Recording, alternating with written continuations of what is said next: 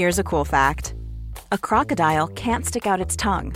Another cool fact you can get short term health insurance for a month or just under a year in some states. United Healthcare short term insurance plans are designed for people who are between jobs, coming off their parents' plan, or turning a side hustle into a full time gig.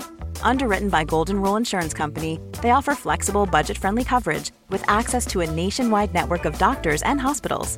Get more cool facts about United Healthcare short term plans at uh1.com. Quality sleep is essential. That's why the Sleep Number Smart Bed is designed for your ever evolving sleep needs. Need a bed that's firmer or softer on either side? Helps you sleep at a comfortable temperature? Sleep Number Smart Beds let you individualize your comfort so you sleep better together. JD Power ranks Sleep Number number 1 in customer satisfaction with mattresses purchased in-store. And now, save 50% on the Sleep Number limited edition Smart Bed for a limited time. For JD Power 2023 award information, visit jdpower.com/awards. Only at a Sleep Number store or sleepnumber.com. Hey, it's Ryan Reynolds, and I'm here with Keith, co star of my upcoming film, If, only in theaters, May 17th. Do you want to tell people the big news?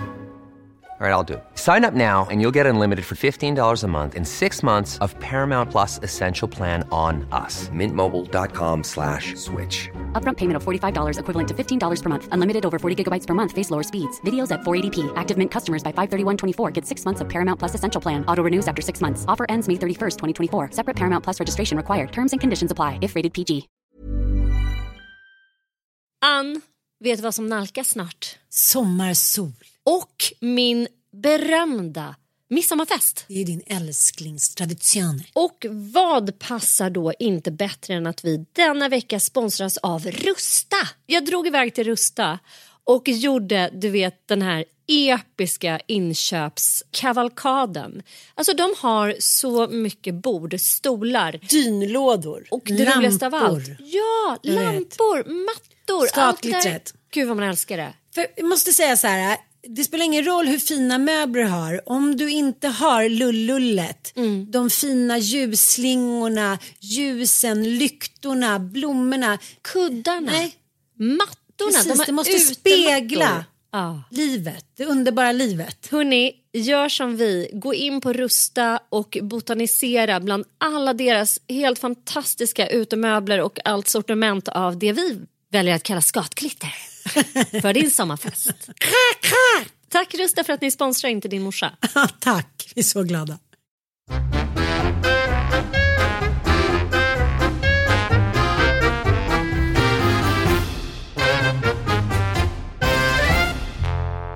Då sitter man på tåg och poddar. Och jag är Mora, vi är såna globetrotters. Ja, det är inte helt vanligt denna tid i livet.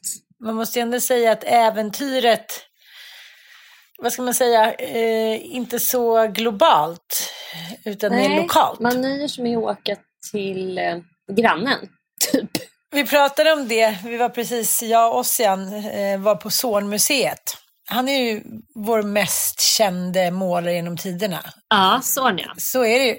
Mm. Jag tycker han är ja, men, helt fantastisk. Men jag kommer att tänka på också att de hade inga barn, han och hans fru Emma. Och eh, jag vet inte varför, men eh, jag tänker just det här resandet på den tiden. Han var ju som mest verksam i slutet av 1800-talet och början där på 1900-talet. Och att resa med en liten bebis på så här atlantångare och eh, små ekipage och det. Det måste ha underlättat om man säger så.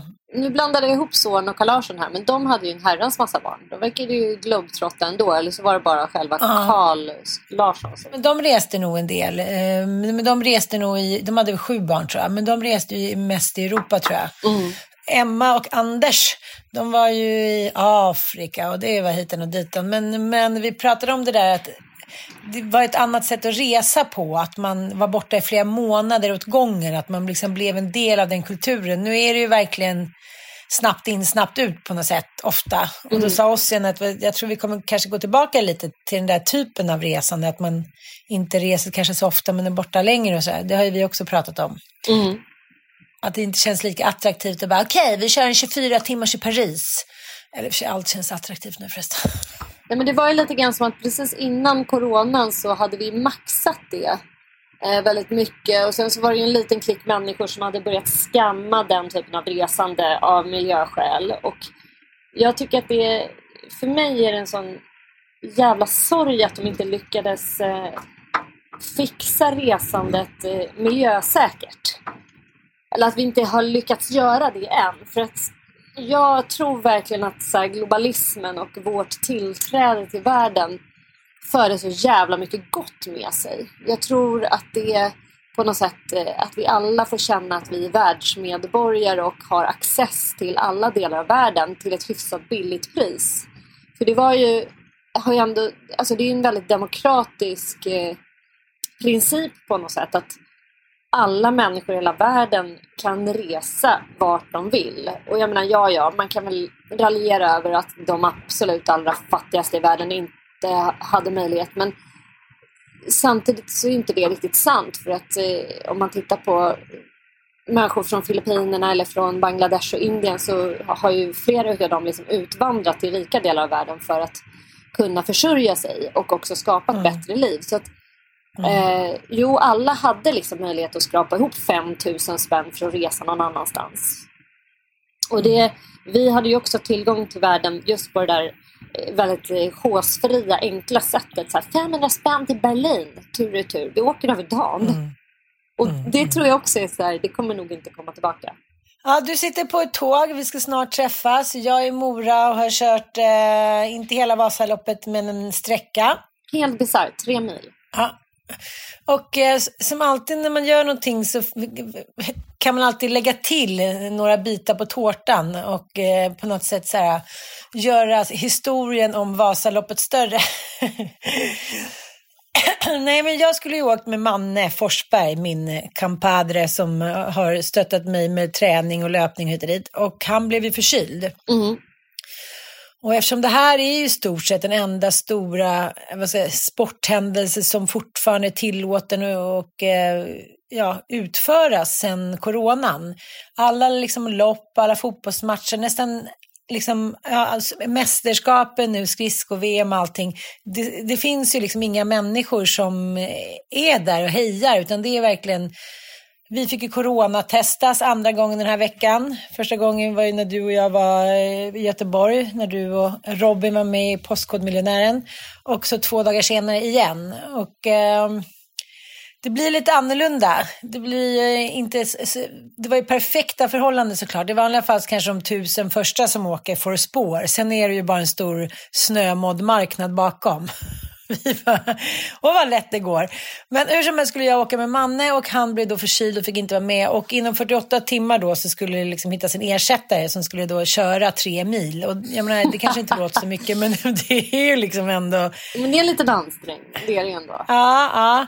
Så de fick ju kalla handen och sen så kom vi båda på att vi kanske skulle fråga Nisse Hallberg. Mm.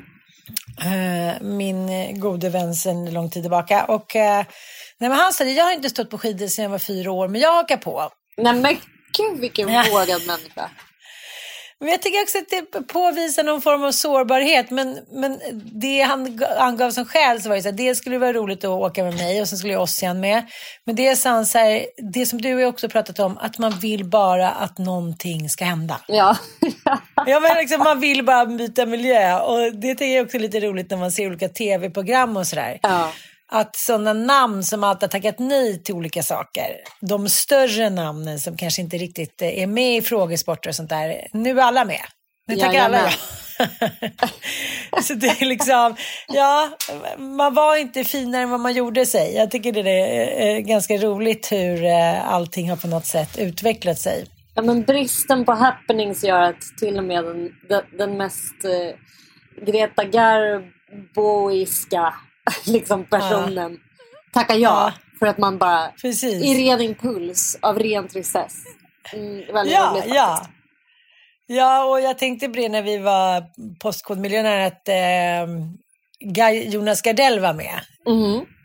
Just det. Ja, men precis. Mm. Och, och en annan kompis som skulle vara med i Alla möter alla och var så lycklig hit och dit. Men han hade blivit då ja, sidsteppad för att det kom in större oväntade namn som helt plötsligt ville vara med i år för att det då inte finns någon igen. Nej men gud vad roligt. Ja, ja.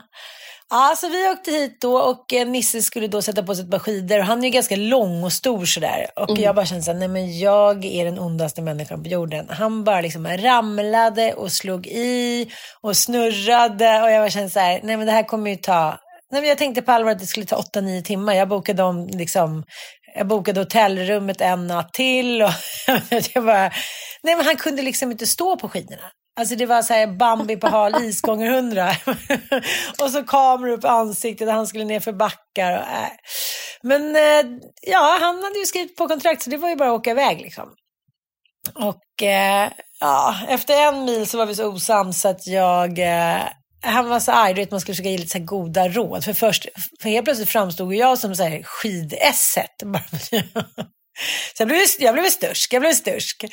Eh, så att ja, nej men eh, ja, vi tog oss igenom den där tre milen. Och, eh, han var tapper, han började gråta nästan några gånger och både han och jag slog riktiga vurpor. Alltså jag nästan in i ett träd hit och dit. Men Men vad då var det för att det, Det- var backigt och var det kuperat liksom där ni åkte?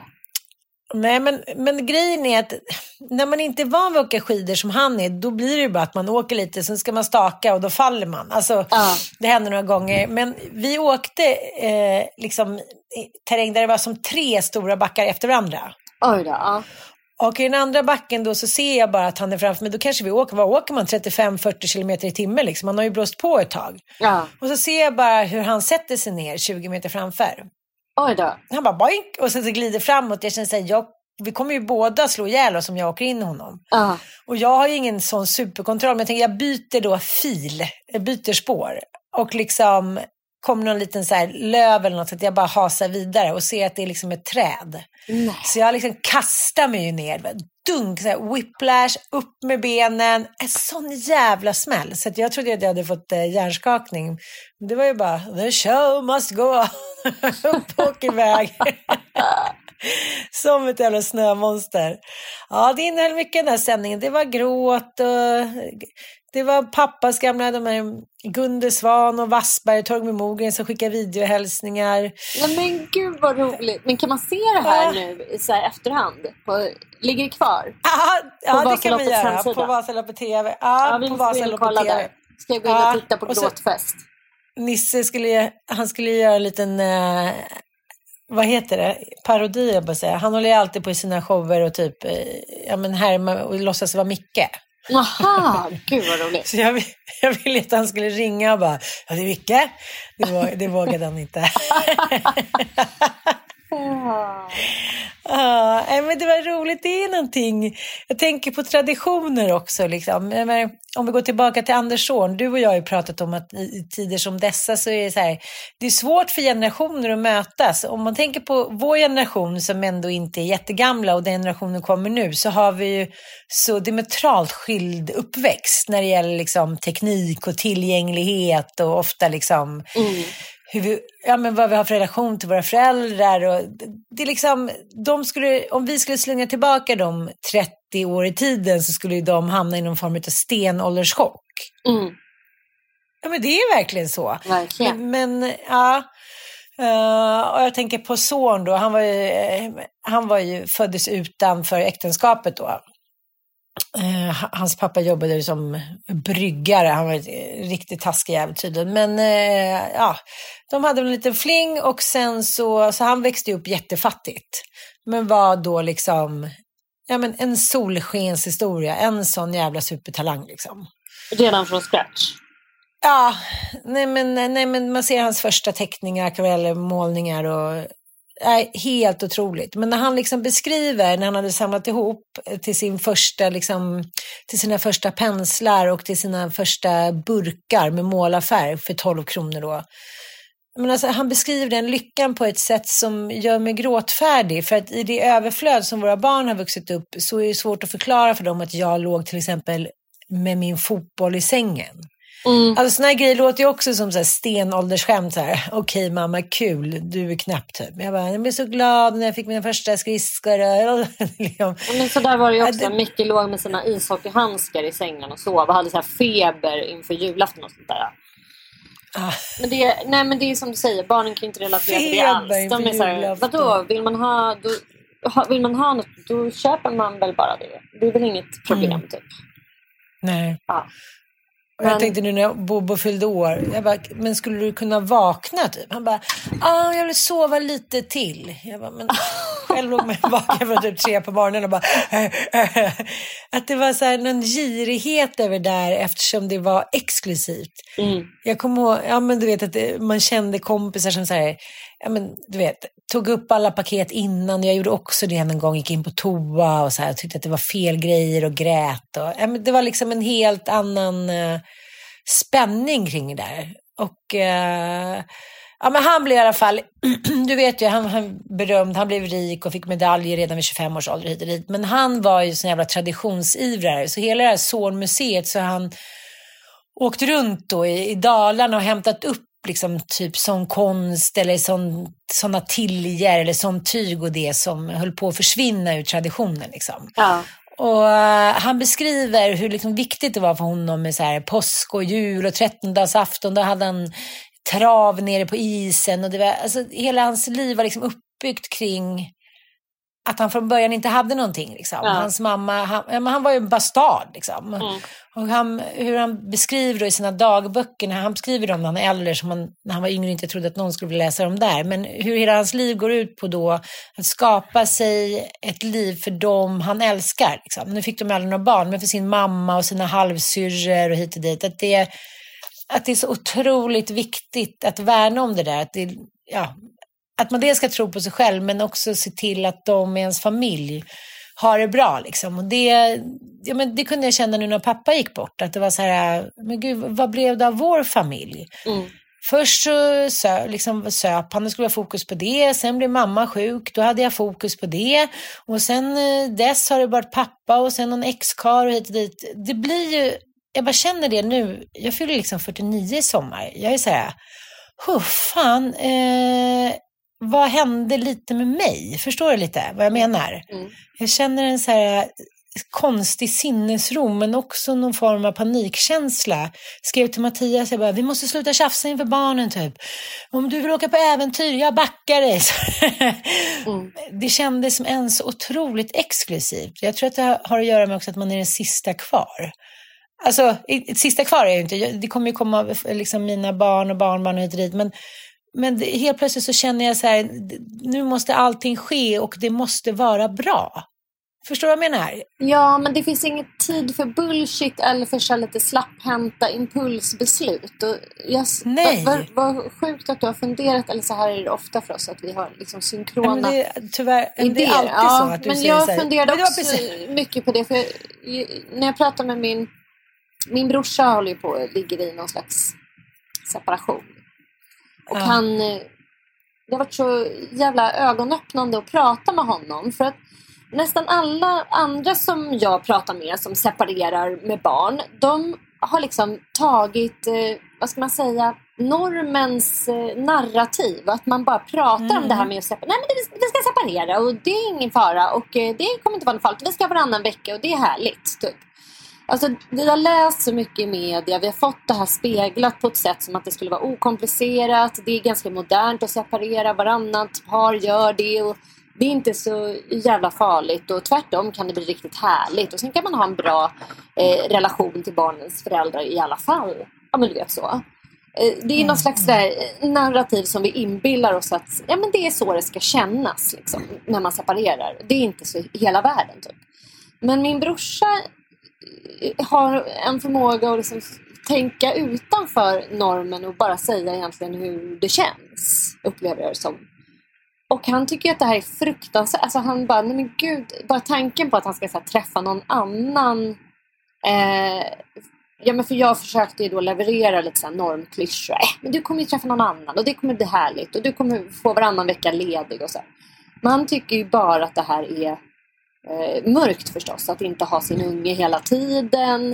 Eh, att låta sin unge då vara den enda barnet i den här barnaskaran. Alltså så var det ju för Olga också. Att hon var ju mitt och Willes enda barn. Hon har inga helsyskon. Nej. Eh, liksom, han, han le- levererade fram all den där sorgen eh, över det här som jag kände att men, den här är mycket mer en riktig berättelse om hur det är att separera. Det är vidrigt att separera. Det är helt jävla fruktansvärt att presentera en ny man för sina barn. Även om de såklart överlever det så är det ju ingenting som är kul att göra. Alltså det är nej, hemskt nej, att gå nej. runt på nålar och undra hur det här barnet upplever den här nya. Eh, alltså allt sånt där är ju så jävla mycket mer eh, smärtsamt än vad vår tid, mm. vår tids berättande har velat göra gällande. Tycker jag. Mm. Det är lite grann som ett stort lurendrejeri att allt det här skulle vara så jävla enkelt. Och samma sak tänker jag också på det här med eh, vi skapar våra egna traditioner och ursprungsfamiljen är inte så jävla viktig. Man kan skapa familj av sina vänner istället. Nej, det, det är viktigt med ursprungsfamilj. Det är skitsorgligt när man har en dysfunktionell ursprungsfamilj som inte har förmåga att hålla ihop. Det är. Ja. Kan man inte bara få ja. känna det lite grann? Måste man så här, alltid försöka se det från the bright side och bara säga ja ja, typ. Ingen fara här, jag är inget offer, allt är kul, allt är okej. Nej, det är inte okej alltid. Jag tror att, jag tror att vår samtid så här, har svårt att särskilja på att man kan ha en kärlek och gemenskap med sina vänner utan att man behöver säga att de är ställföreträdande ursprungsfamilj. Jag har hört mig själv liksom rapa upp det där. Så lyckligt mina vänner, de betyder för mer för mig, de har alltid funnits där för mig. Det är så det har blivit och det är, liksom, det är också bra typ. Men sen när man inte har några föräldrar, föräldrar längre eller när, man liksom, när allting funkar med ens ursprungsfamilj, med en syskon och liknande så tänker man så här, men hur ska det någonsin kunna kännas på det sättet? Jag kommer ihåg att vi pratade om det för inte alls länge sedan, men bara det att när jag är med mina stora, tre äldsta killar, så väldigt sällan som det sker, så är det ändå att jag det är min ursprungsfamilj. Det är ju de som jag är allra, allra mest hemma med. Sen har jag en ny familj som också är liksom min familj. Men de, dels har de inte varit lika länge, eh, dels har de aldrig varit lika utsatta. Det blir ju såklart ett, mitt längsta band är ju till Ossian, Dante och Ilon. Mm. Och det ska jag inte heller sticka under stol med. Det är liksom mina första barn. Eh, det var då jag kanske formades allra mest som liksom vuxen människa. Nu är jag här, har jag en plattform att stå på. Mm. Och jag vet inte, det är som du säger, varför ska det hycklas med det? Och jag, jag läste en, en tidningsrubrik igår som jag tänkte, jag måste prata med dig om det. Men så tänker jag att det verkligen är en het potatis. Och jag, jag lägger inte någon värdering. Jag tycker att alla verkligen eh, får tycka och känna och leva som de vill. Och jag kan bli avundsjuk. Jag kommer ihåg när eh, en kollega kollega till mig, Karin, sa så här Va? Nej, jag har inte saknat om en sekund. Så skönt. Jag blir mycket bättre mamma och liksom, det är mycket bättre. Jag tänker knappt på dem. Så här. Det är klart att vi hörs, men det är helt liksom... Eh, det, är ingen, det är inget problem för mig. Det är inte någonting som jag värderar att det ska vara bättre eller sämre. Och jag säger, jaha, nej. Och det kanske gjorde det lite enklare för mig att man inte bara behövde känna så här, fan det här kommer, jag kommer gå under, jag kommer aldrig klara en dag utan barnen hit och dit. För så blir det ju såklart inte. Utan det finns ju fördelar och nackdelar. Men tidningsrubriken var igår så här, jag har blivit en mycket bättre mamma sen vi skilde oss. Mm. Och så hade hon två små ganska barn. Det var en känd kvinna som brukar synas på tv, jag behöver inte nämna hennes namn. Och så sa hon, jag har blivit mycket bättre nu när det är lättare att balansera min karriär och och, mina barn, mitt familjeliv. Mm. Och tänker jag så här, det är alltså i den moderna kvinnans och mannens, inom parentes då, eh, jämställt då familj med karriär? Eller är det bara ett skådespel? För mig skulle det aldrig vara så. Det är klart att jag gör karriär på mitt sätt, men det skulle aldrig på något sätt ske till priset på mina barn på något sätt. Mm. Jag bara tänkte att det kändes så, så väldigt eh, 2021 liksom. Nu har jag blivit en bättre mamma nu när vi har skilt oss typ. Man bara, jaha, mm. okej. Okay. Eh, men så kanske jag tänker att det kanske är liksom ett förs en dåres försvarstal att man säger så. Eller också så känner man så. Skitskönt ena veckan, eh, då kan jag liksom foka på karriären. Men hur många år ska man foka på karriären? Jag känner så här, Men det, man sitter när man är 75 och fokar på karriären. Jag fattar inte riktigt vad det ska gå ut på i så nej, fall. Men jag, jag, tänker att det här är väl kanske, om man ska sammanfatta vår tid så har vi blivit pumpade av just, alltså Susan David, du vet vem hon är? Ja, det vet jag. Ja, hon är ju, hon är ju psykolog. Hon har gjort eh, ett TED-talk eh, som heter False Positive Emotions. Och eh, det här såg jag, tro det eller ej, igår. Det var någon som delade det i mitt flöde och jag bara så här, men gud, hon, hon sammanfattar precis vad det här handlar om. Att så här, alltså, vi har ju blivit bombade av en tid med självhjälpsböcker som handlar väldigt mycket om att vi ska tänka positivt. Att man väljer sitt mående och genom att ändra sitt mindset så kan man må bättre och gå igenom svårigheter på ett bättre sätt och sådär. Hon menar att det här i mångt och mycket är jävligt missuppfattat och eh, i, i det långa loppet skadligt. Eh, och det pratar hon om i sitt TED-talk. Ni kan ju bara googla om ni är intresserade av att se det här. För jag tycker det är helt fantastiskt. För mig var det som att någon bara så lyfte på en stor, eh, alltså dechiffrerade hela den här, eh, vår samtids stora illusion om att det här är det enda sättet att leva typ. Och, jag tycker vi lyssnar lite. Vi ja, kan men vi lyssna en liten mm. bit. Ja. Being positive has become a new form of moral correctness. In a survey I recently conducted with over 70,000 people, I found that a third of us, a third, either judge ourselves for having so called bad emotions, like sadness, anger, or even grief, or actively try to push aside these feelings. We do this not only to ourselves, but also to people we love, like our children. We may inadvertently shame them out of emotions seen as negative jump to solution and fail to help them to see these emotions as inherently valuable. Normal, natural emotions are now seen as good or bad. But when we push aside normal emotions to embrace false positivity, we lose our capacity to develop skills to deal with the world as it is, not as we wish it to be. I've had hundreds of people tell me what they don't want to feel. They say things like, I don't want to try because I don't want to feel disappointed. Or I just want this feeling to go away. I understand, I say to them, but you have dead people's goals. Only dead people never get unwanted or inconvenienced by their feelings. Only dead people never get stressed never get broken hearts, never experience the disappointment that comes with failure. Tough emotions are part of our contract with life. You don't get to have a meaningful career or raise a family or leave the world a better place without stress and discomfort. Discomfort is the price of admission to a meaningful life. Det hon menar är ju att eh, alltså positivt tänkande i sig är naturligtvis ett jättebra redskap. Men det är när man byter ut, om man tror att man ska, man, att hela livet går ut på att eh, byta ut då sorg och eh, eh alltså det vi tolkar som negativa eh, emotions, alltså negativa känslor, alltså så här som vi pratar väldigt mycket på våra medberoendekurser om. Alltså fula och fina känslor kan man väl också kalla det för. Liksom, att det finns bara vissa känslor som vi kan tillåta oss att känna och det är det här positiva tänkandet. Nej, men det kommer bara bli härligt och jag kommer bli en mycket bättre morsa om jag bara har dem varannan vecka och jag kommer klara det här så mycket bättre. Och sen tror man på något sätt att sorgen, den, den är ful att känna, alltså den är skadlig för oss att känna. Så den hoppar vi bara över och så byter vi ut det mot det här eh, falska positiva tänkandet. Och eh, de här två spåren måste ju kunna kunna existera samtidigt, tänker jag. Det är klart att man måste kunna känna sorg samtidigt som man eh, känner sig lycklig och förväntansfull och försöker nyorientera sig. För jag tänker så här, eh, en separation är såklart en livskris. Liksom, att någonting som man har trott på, byggt på, hoppats på och lagt in en jävla massa känslomässig investering i.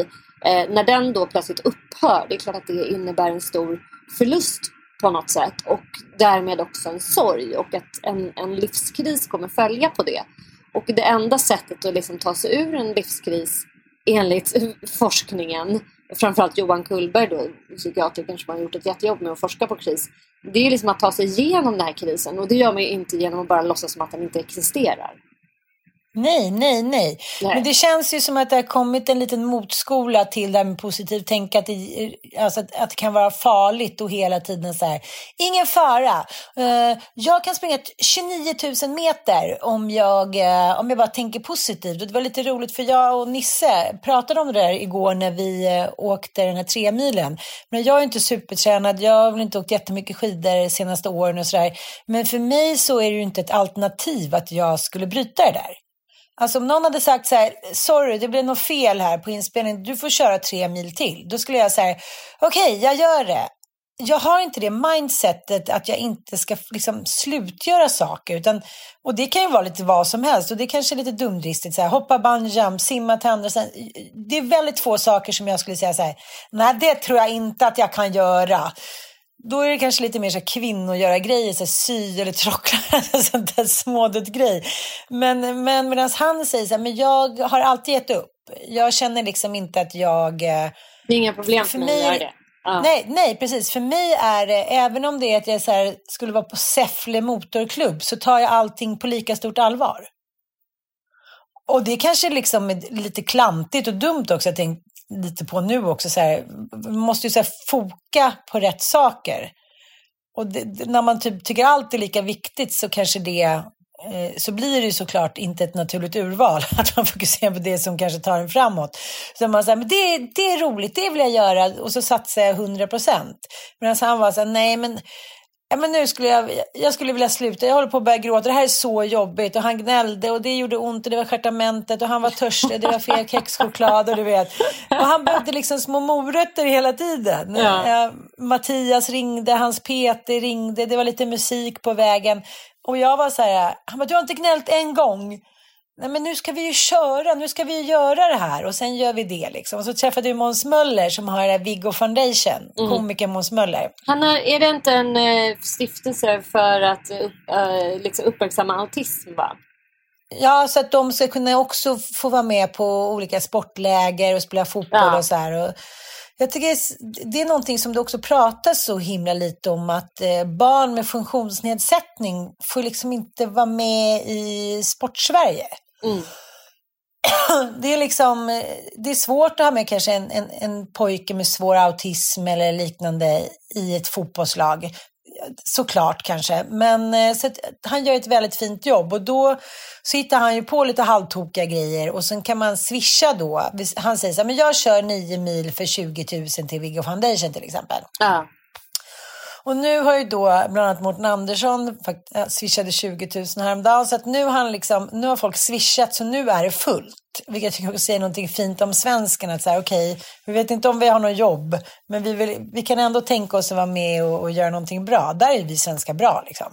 Så att nu skulle han då köra nio mil per dag, nio dagar i rad. Oh my god, du skojar. Ska Mm, Måns Möller okej. göra det? Ja, Nej men Eh, och han, herregud. Han har ju inte det där liksom med pannben och skidåkning och sport i sig, utan det är efter 16 weeks of he- of hell som har mitt tv som han har liksom... Det har förändrat honom någon i grundvalarna. Så att Ja, han kan ja. bara säga, nej men nu kan jag vad som helst. Ja, ja, nu kan jag vara som helst. Och jag träffade honom första kvällen och han var så nästan medvetslös. Han bara, vadå, är det Nisse Hallberg från Wilmer X? Och han var liksom helt borta. och sen träffade jag honom igår. Han bara, tja! Eh, och så satt jag och pratade lite med dem som eh, också skulle göra det här måndagen. Bland eh, Pam- Pamela Andersson, Lindsman, Christer. Och jag var så här, men, ja, men de, är inte, de är inte purunga, de är liksom 55 och de är inte så jätte, de är väl vältränade, men de har lite kagg hit och dit. Så jag sa, men ska ni göra det här nu, nio gånger nio? Ja, det är tanken, liksom, vi kör väl bara. Mm. Du vet, så här, nu har vi ju sagt det, då gör man väl det. Och det är väl lite så här gammel-Sverige, lite traditioner och det vi pratar. Man gör det som är bestämt på något sätt. Mm. Eh, och det tror jag att det tror jag liksom kommer också vara svårt för våra barns generations mindset. Liksom. Att det är så här, ah, men spelar roll, då kan man hitta på något nytt liksom. Medan att fira jul förr i tiden, det var liksom, jag menar en gång per år som man fick en present och fick äta sig mätt. Jag menar inte att det var bättre förr, men, men det kommer bli en helt annan uh, mindset. Det så här, Nej, men jag tänker också att så här, vad kallar man det där för? Det är väl både en lojalitet och sen att man är... Eh, gud, vad heter det? Inte pliktkänsla. Jo, plikttrogen. Att man så här, gör Ja. någonting fast man egentligen så här, gud vad onödigt. Liksom. Säger någon Ja. att du ska skotta en hel gårdsplan, så bara, ja då gör jag det. Även fast man inser efter liksom 50 kvadratmeter, så här, men gud varför ska vi göra det här för? De, de ska ju bara köra här på en tredjedel av ytan. Då gör man det ändå. Liksom. Man inte ifrågasätter. Jag, Nej, eh, eller ge upp på vägen liksom. Ja. Ja, Jag har väldigt svårt att... Alltså, min hjärna vill väldigt gärna, lätt ge upp när det är saker som den tycker är idiotiska. Typ att gå på gym. Nej, men om jag är jag- ensam på ett gym, då, jag kan liksom inte förmå mig själv att ta i till 100%. Det är som att min hjärna är bara säger, är du dum i huvudet? Det här är bara liksom, eh, av eh, typ utseende skäl som du gör det här. Det finns ingen anledning till det. Men sen om jag är tillsammans med någon, då kan jag ju pressa mig bara för att jag har ögonen på mig. Medan om jag, Jag till exempel är liksom är på väg någonstans, typ om jag åker ett Vasalopp och vet att jag måste komma fram någonstans, då kör jag på liksom. Eller om jag är ute och Mm. fjällvandrar och ska till något så här, då, då har jag liksom en, det blir en sån tydlig målbild att jag kommer inte få äta om jag inte går fram dit. Eller om jag är med hästarna, så jag, kommer inte, alltså jag måste göra klart till dem för att annars har ju de smutsigt i stallet. Liksom. Då gör jag det till varje pris. Men mm, Ja, nej, det är lustigt. Annars då, jag måste säga på alla hjärtans dag, jag höll på att sätta morgonkaffet i halsen. Nej men jag blev, ja, men jag menar inte att Micke är så här, han är inte den som är den, men typ hästbilden med en naken Micke är inte helt fit for fight. Jävla underbart bjuckig. Jag, tyckte, jag bara kollade på min egen bild som jag lagt ut. Jag bara, jaha, okej. Mm, mm. eh, nej, det var bara befriande tycker jag. Befria. Vi kan väl beskriva den. Ja, det- Eh, Ja, men jag bad honom kort och gott. Alltså, det här var väl en bild som jag tog för ett par år sedan. Och jag tycker bilden på Putin när han rider med bara överkropp är så jävla rolig. Alltså den här Ja. extrema idén om, om, om macho-Putin och att han också har bestämt att det här är bilden som ska få representera mig. Och han har ju vunnit Nej, så mycket följare på den. Folk går ju igång på det. Ja. Liksom. Mu- muskelman på häst typ. Eh, och, Ja, eh, med makt. Ja, med makt liksom. Och eh, som inte skäms för sig. Med lite tattoos också. Och eh, då såg jag tillfället i akt. För jag var ute och gick med Ninna vid något tillfälle. Och eh, Micke hade precis kommit upp ur poolen. Och gick runt där då naken gjorde han. Ja men vi brukar ju bada nakna. Det, ingen, det var ingen som var hemma där. Och då bara fick jag feeling. och Bara, kan inte du hoppa upp och få ta bilder på dig? Och så gjorde han det. Och, eh, de är väldigt roliga de där bilderna. Men det roligaste av allt det är att det har skapats en liten en rörelse nu. Där hästfolk tvingar upp sina, sina nakna pojkvänner på sina hästar nu. Jo, så att det är bland annat Katrin Nyman som heter Mustang Academy på Instagram. Gå in där kan ni få se hennes fina Martin som sitter på hennes fina häst Blue. Helt naken. Gud vad härligt. Älskar det. skapas en liten Underbar rörelse. Ja, jag tycker det, blir, det kommer bli jättefin kalender om inte annat tänker jag. Ja. Eh, så ni får gärna, ni, ni som är hästägare där ute och har en kille, eh, stoppa upp dem nakna på hästarna så tar ni bilder och lägger ut. Det finns jätteroligt. Mm, nej, väldigt roligt. Mm. Ja, Ah, nej, jag känner mig var- kär till skillnad från förra veckan. Jag vet inte Jag vad som hände. säga. Nej, något måste ha hänt. Ja Erkänn. men, det som, ja, men det som hände det var nog att jag gick... Eh, alltså jag blev lite självkritisk och började också... Man ska liksom inte gå på sina egna tankevurpor. Att, eh, jag har varit såhär, gud vad folk är bortskämda och coronan är väl inte så himla farlig och sådär. Har jag tyckt liksom att eh, jag har varit lite hård där mot gemene man som håller på och klagar. Och vadå, tänk folk i tredje världen och vi har ändå varma hem och eh, liksom stort och bekvämt och så. Men till saken hör att jag är jävligt uttråkad.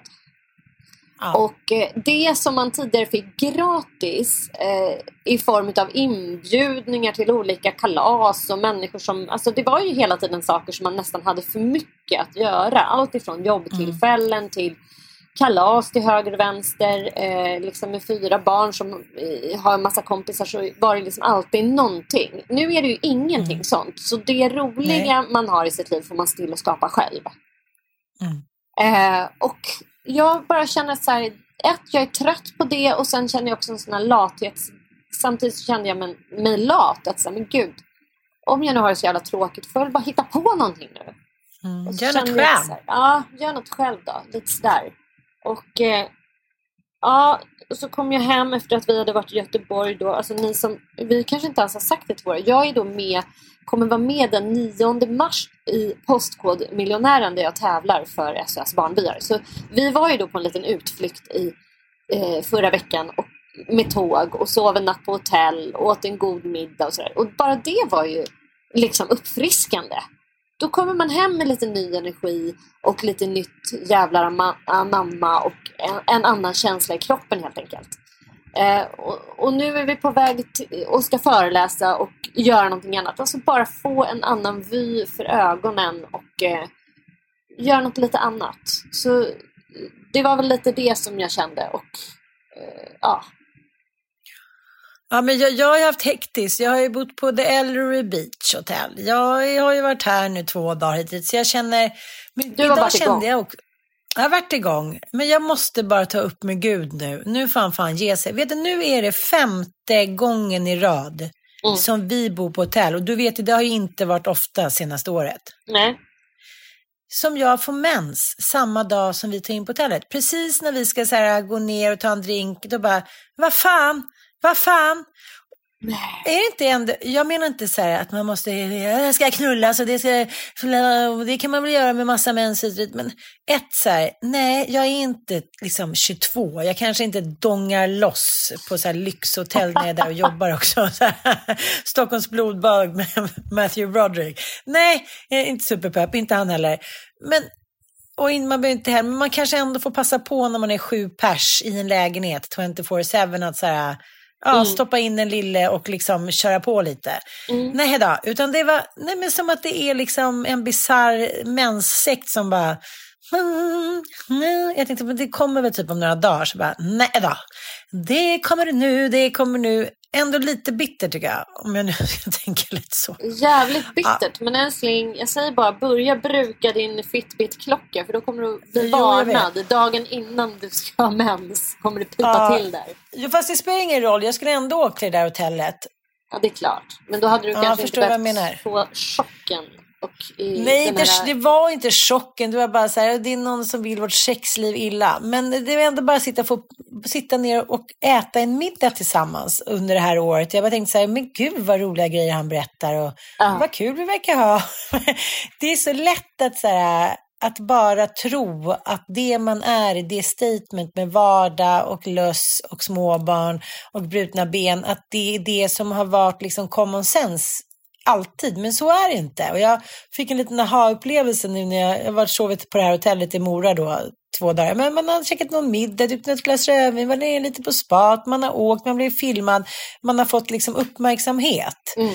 Eh, att, det, att det handlar väldigt mycket om det. Så tänkte jag Mattias Lindgård, han bara, ja men nu har jag haft lusmedel i bådas hår och i mitt och jag har bäddat rent och bla bla. Så tänkte jag också precis det du säger, fan vad vi har varit bortskämda med att hela tiden så här, att det ska väljas och vrakas med, med roligheter och även om det har varit barnens kalas så är det i alla fall någonting som har hänt. Och jag kände så här, det där har ju inte Mattias någonsin haft. Jag kände mig liksom självisk. Jag kände så här, men gud, han kanske tycker att han lever världens tråkigaste liv. Nej, men förstår du inte vad jag menar? Jag är så här, jag menar inte att jag är liksom Gwyneth Paltrow och typ ska iväg och klättra på Himalayas höjd. Men det är ändå lite småputtrigt hela tiden för mig. Och det är en tv-inspelning och nu var jag med dig. Jag har liksom varit sovit på hotell nu, typ fem nätter av sju. Mm. Och man har intressanta samtal, träffar nya människor. Han är liksom med mig och barnen och sitter på halv nio-mötet. Typ. Ja, men älskling, det är väl också det som är grejen att det kanske är så att eh, jag menar, om man är två personer som lever den typen av liv då blir det liksom lite too much. Då blir det, tror jag, kampen om vem som ska ställa upp för vem och att den ena får göra mer och sådär. Men eh, för Micke är ju också mer laid back. Han jobbar ju jävligt mycket utomlands. Oj, nu kommer jag fram till Gävle. Några minuter. Gävle nästa boll och avstängning på vänster sida i tåget. Gud, Vi kör lite livepodd. Ja, det gör vi. Nu är jag reporter ute på vift. Nej, men han är också inne in i... Eh, tråkmodet kan jag känna. Han vill ju helst inte göra någonting. För han jobbar så mycket och då vill, sen vill han bara ha det lugnt. Och så här, ligga och lyssna på Mm. klassisk musik och få sin hjärna att här, gå ner i varv. Typ. Men eh, jag vill ju ha stimuli. Och det är det, jag blir tokig om inte jag får stimuli utifrån. Jag vill jag träffa med. människor, jag, behöver, jag liksom vill komma hem istället för en jägare som kommer hem med ett köttben. Så vill jag komma hem med stories.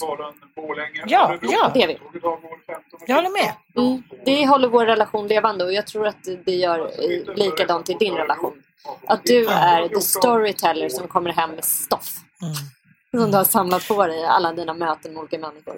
Mm. Men jag måste bara avsluta den grejen för att han är så van vid att jag kör en storytelling inför honom och så ställer han frågor. Men när han har gjort någonting så säger han bara men det var inget särskilt vi pratade om, eh, det var mysigt. Och sen så stänger han det rummet. Och häromdagen blev jag liksom helt tokig. Jag bara, nej, men då måste du byta vänner. Om det inte sades någonting på tre timmar, bla bla, då hade han gått på någon liten efterfest med några tjejer och, som jag känner. Och det var hit och dit. Ja, ja, ja, lite prutten när han kom hem där va.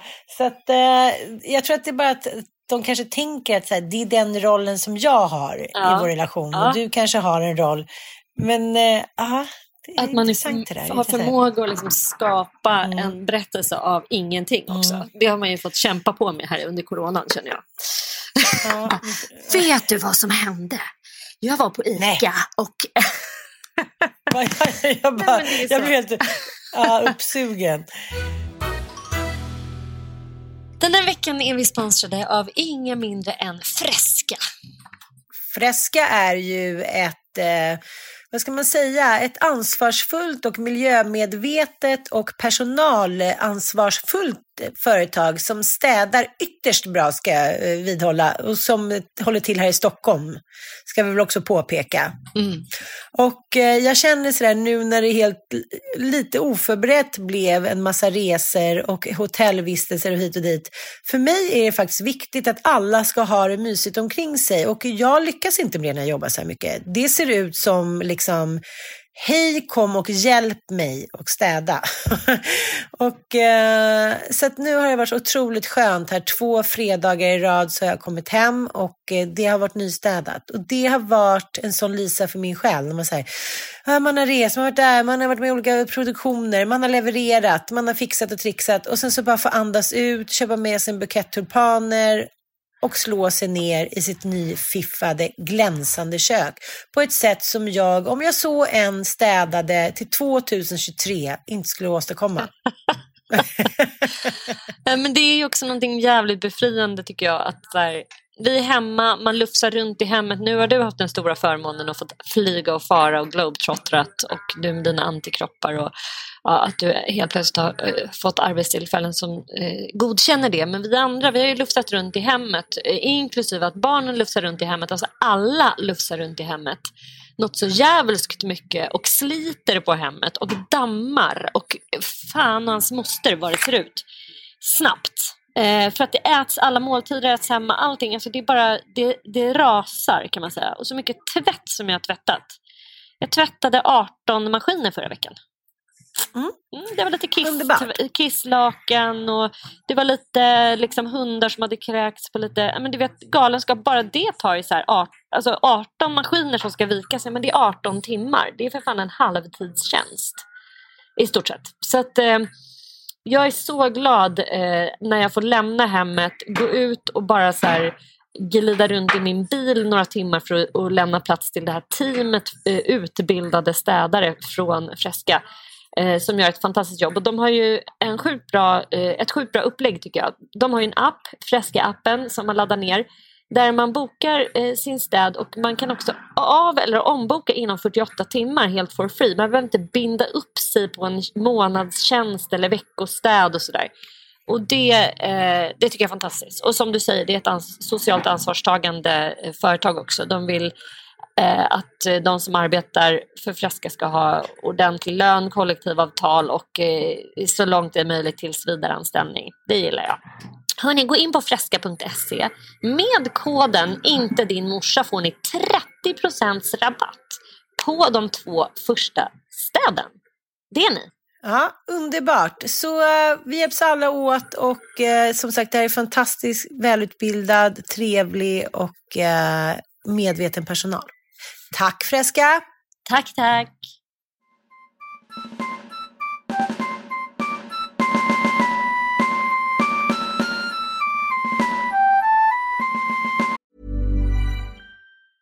Many of us have those stubborn pounds that seem impossible to lose, no matter how good we eat or how hard we work out. My solution is PlushCare. PlushCare is a leading telehealth provider with doctors who are there for you day and night to partner with you in your weight loss journey. They can prescribe FDA-approved weight loss medications like Wagovi and Zepbound for those who qualify. Plus, they accept most insurance plans. To get started, visit plushcare.com slash weight loss. That's plushcare.com slash weight loss. Hold up. What was that? Boring. No flavor. That was as bad as those leftovers you ate all week. Kiki Palmer here, and it's time to say hello to something fresh and guilt-free. Hello Fresh. Jazz up dinner with pecan-crusted chicken or garlic butter shrimp scampi. Now that's music to my mouth. Hello Fresh. Let's get this dinner party started. Discover all the delicious possibilities at hellofresh.com. Cool fact a crocodile can't stick out its tongue. Also, you can get health insurance for a month or just under a year in some states. United Healthcare short term insurance plans, underwritten by Golden Rule Insurance Company, offer flexible, budget friendly coverage for you. Learn more at uh1.com. There's never been a faster or easier way to start your weight loss journey than with PlushCare. PlushCare accepts most insurance plans and gives you online access to board-certified physicians who can prescribe FDA-approved weight loss medications like Wigovi and Zepbound for those who qualify. Take charge of your health and speak with a board-certified physician about a weight loss plan that's right for you. Get started today at plushcare.com slash weight loss. That's plushcare.com slash weight loss. plushcare.com slash weight loss. Vi har ju en liten eh, sån där... Ett stående inslag. Ja, som heter Calling Freud. Yes. Och eh, då tänkte jag på det, det här med Freud and slip. som är så himla roligt. Att, att, eh, ja, men det går kort och gott ut på att man, en människa säger någonting eh, men eh, tänker på någonting annat, en annan andemening. Så att den säger någonting och råkar då slippa på ett ord. Mm. Så det blir liksom en helt annan innebörd som man då säger så här. Oj, nej, oj, nu råkade det bli lite knorrigt. Vi ska till exempel lyssna på den här med Ebba Busch Thor. Är det något Kristdemokraterna kan så är det förebyggande arbete. Att stärka föräldrarna i deras roll, att se till att vi inte har 13-åriga killar som är ute och bränner biblar. Och... Ja, där hade vi en klassisk då som det kallas för svenska freudiansk felsägning. Precis. Mm. Hon skulle då säga bilar men sa biblar. Och eh, innan jag ska släppa iväg dig till Gävletåget sen möta upp dig om typ en timme så måste vi bara avsluta med du måste svara mig nu, eller så får Freud svara mig. Varför släpper hon inte det här jävla gamla liksom fallfärdiga huset med den där gubben som nu har fått rätt i domstol? Hur vågar hon sätta allt på spel för att spara in en miljon på det här huset? Det är så absurt. Alltså jag, eh, det här är någonting som man vill se ett så grävande reportage, ett Uppdrag granskning om. För att hon måste ju ha någon typ av emotionell koppling till det här huset. Jag tänker mig typ att, apropå Freud, att det här är någonting som hon har så gått och drömt om. Säg att hon mm. kommer från mycket mindre bemedlade förhållanden än vad hon vill göra gällande. Och så är det här någonting hon har gått och drömt om att hon ska få eh, bo i när hon blir stor. Alltså du vet att det är någonting sånt där. Det är väldigt fint hus, men, men det, är så här, det måste ju kunna gå att köpa något liknande någon annanstans. Definitivt. Det är det som är så jävla sjukt. Att så här, men hon har ju bara bestämt sig för just det här huset och sen verkar hon ju ha, som jag i och för sig tror att väldigt många politiker har, den här oförmågan att inse att så här, oj, där, nej men nu, nu har jag gjort fel här. Och så här, hon har ju ingen damage control. Hon verkar inte ha någon i kring sig som ägnar sig åt damage control och hennes vägnar. Nej, nej, nej. Vilket är helt bisarrt. Att bara säga nej, släpp huset, ge det tillbaka. Eh, det, här, det här ser inte bra ut. Du har lurat en dement gubbe och hela det här mm. eh, partiets vad ska man säga, grundläggande värderingar handlar ju om att så här, värna äldre och liksom så här, ja. med kristenhet ja. eh, skapa liksom en god värld. Och så framstår ju hon som en så här, extremgirig person bara. Ja, Vad hände med var tionde? Man ger bort den tionde kronan till de som är sämre bemedlade. Men Ja. det enda jag kan känna är att här, några gånger i mitt liv har jag känt så här, jag, jag, jag kan offra vad som helst. För när jag köpte ja, men kyrkan på Gotland, Mm. då hade jag sålt en bostadsrätt och tjänat ganska bra med pengar. Nej, då skulle jag inte lägga in den i en ny bostadsrätt. Utan då skulle jag köpa, lägga handpenning på någon gammal fallfärdig kyrka på Gotland. För det var så här, någonting i min själ sa så här, om jag bara får vara i det där huset med mina barn, då kommer jag må bra. Då kommer jag känna mig hemma, då kommer inte jag längre vara rotlös. Då kommer jag ha ett ställe för oss alla att vara på och där alla kan känna sig trygga. Och det måste vara nu, om vi ska ringa till Freud, så måste det vara någon sån känsla att hon känner sig ensam, rotlös, nyskild. Hon har liksom satt allt på spel. Hon har lagt alla ägg i samma korg och det är det där fallfärdiga huset. Men grejen är att nu ska ju de till domstol. Jag tänker så här, om hon vinner, då är det ju ingen större skada själv. Men om hon förlorar, då får hon ju gå under jorden. För då är hon ju inte bara girig, då är hon ju också en ond människa som cyniskt har drivit det här äh, mot alla odds på något sätt. Men hon är så övertygad om att hon har rätt. Eh, Ja. Ja. Hörni, vad roligt det här är att nu har jag tagit mig från tåget. Jag känner mig verkligen som en radioreporter som är så ute och gör grävreportage. eh, som vår kära vän Tores mamma. Katarina. Ja, ja, ja. Men väldigt Ja, apropå men, eh, nu är jag i alla fall inne på Espresso House i Gävle och inväntar mitt anslutande tåg. Men när vi ändå Ja. har Calling Freud på eh, Tråden. Ja, på tråden här och eh, när vi ändå har kanske, nå- jag fick några minuter här så tänker jag att det, jag vill så jävla gärna berätta att jag har sett en film som eh, kommer ha premiär i Sverige under våren som heter Druck. Har du hört talas om den? Ja, ja. ja, jag vet allt om den. Jag har pratat om den med Nisse igår och försökte förklara den här briljanta idén. Ja. Eh, Den här filmen handlar ju om ett grabbgäng kan man säga. Ett gäng lärare på en skola. Eh, Ett gäng sköningar som lever ett väldigt insomnat så här, övre medelklassliv. De är medelåldern, de har liksom tonårsbarn, de undervisar tonårsbarn. Alltså första delen av filmen, det är så jävla roligt. Man känner igen sin egen så här, högstadietid så jävla mycket på alla dessa uttråkade lärare som knappt orkar lyfta ett finger från katedern. Liksom. Som har stått där och haft samma lektion 43 000 gånger och bara har tröttnat på hela skiten och tappat hoppet om livet. Mm. Och, då är en, och sen är, det är liksom ett, det är ett gäng kompisar, de har ju blivit polare i lärarrummet. Man känner att det här är sköningar egentligen. Men Ja, de, ja, ja. de lever hårt pressade av, av, av eh, medelklassens bojor liksom.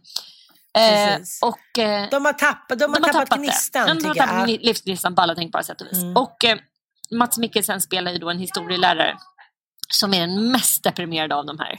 Han, hans liksom bara livströtthet har väl övergått i en depression. Och det spelar han väl väldigt trovärdigt också. Liksom.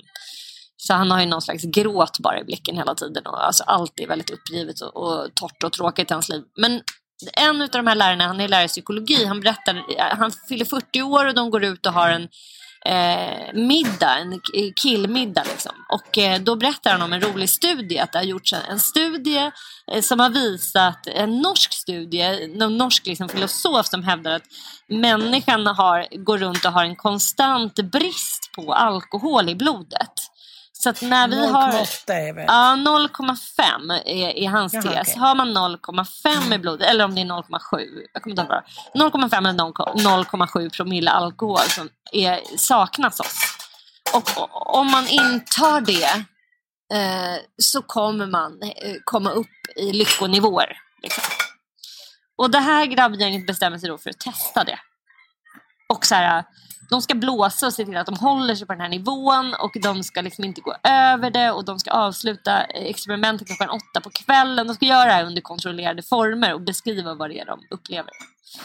Det här är ju slotten för hela filmen. Jag tänker inte berätta mer egentligen för jag vill inte, jag vill inte liksom förta upplevelsen.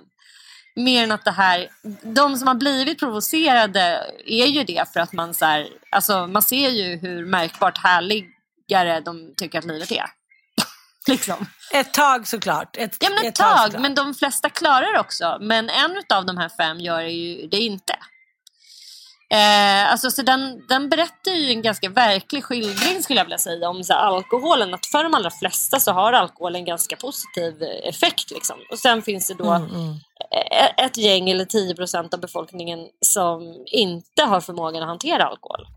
Ska säga, det är Thomas Winterberg som har regisserat och han är ju en av, eh, var de fyra stycken som startade den här eh, rörelsen Dogme 95. Ja, Eh, bland annat med Lars von Trier i ja, eh, ja, spetsen. och det är en Centropa-produktion.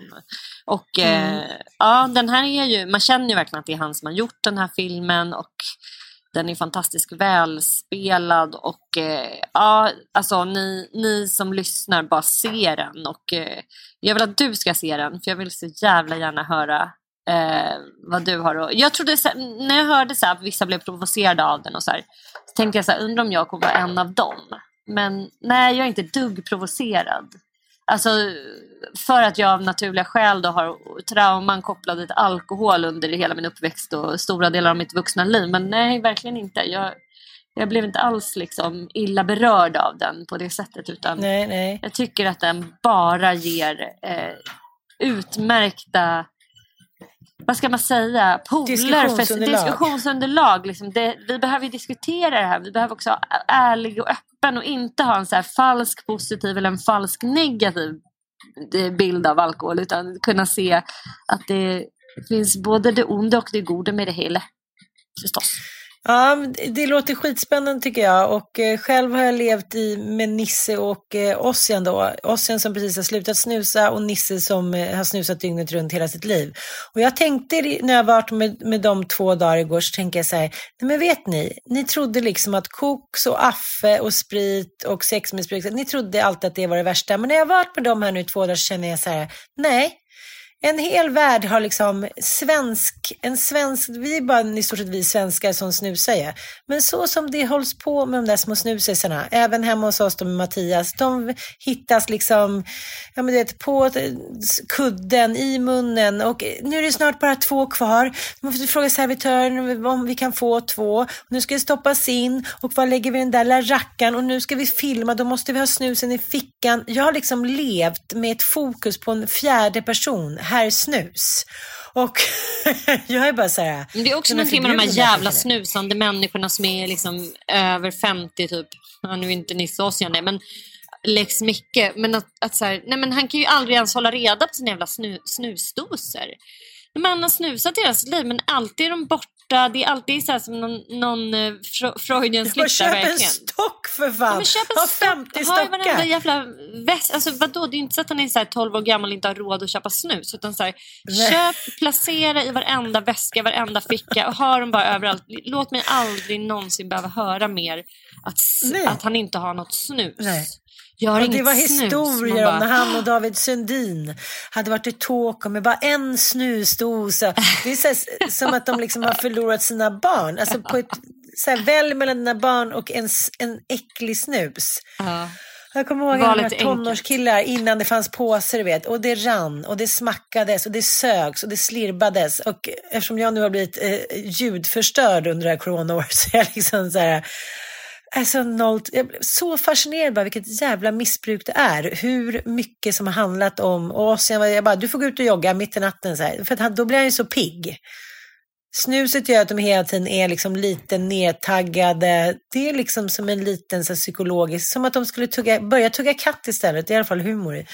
Ja, det är i alla fall min, min lilla snus utifrån analys här. Att det är, nej, Jag är så glad att jag otroligt. inte snusar. Jag är så glad att jag inte gör det. Nej, men alltså Mattias har försökt sluta någon gång. Jag bara, om du ska sluta snusa, då flyttar du härifrån. Då bor du liksom på en gård i typ eh, Värmland i en månad. För jävlar vilket beroende det här är. Lille kompis under läppen hela tiden. Dygnet runt. Jävla s- Eh, Det är upprörande att det är nattsnusen också. Och så du vet, det hatet jag känner mot honom när jag hittar en liten snus typ, liggandes på något så här felplacerat, lite på någon kudde kanske, eller på golvet, på min bok någon gång, på min telefon, har råkat klidra ner. Nej men då är det så här, det är skilsmässa.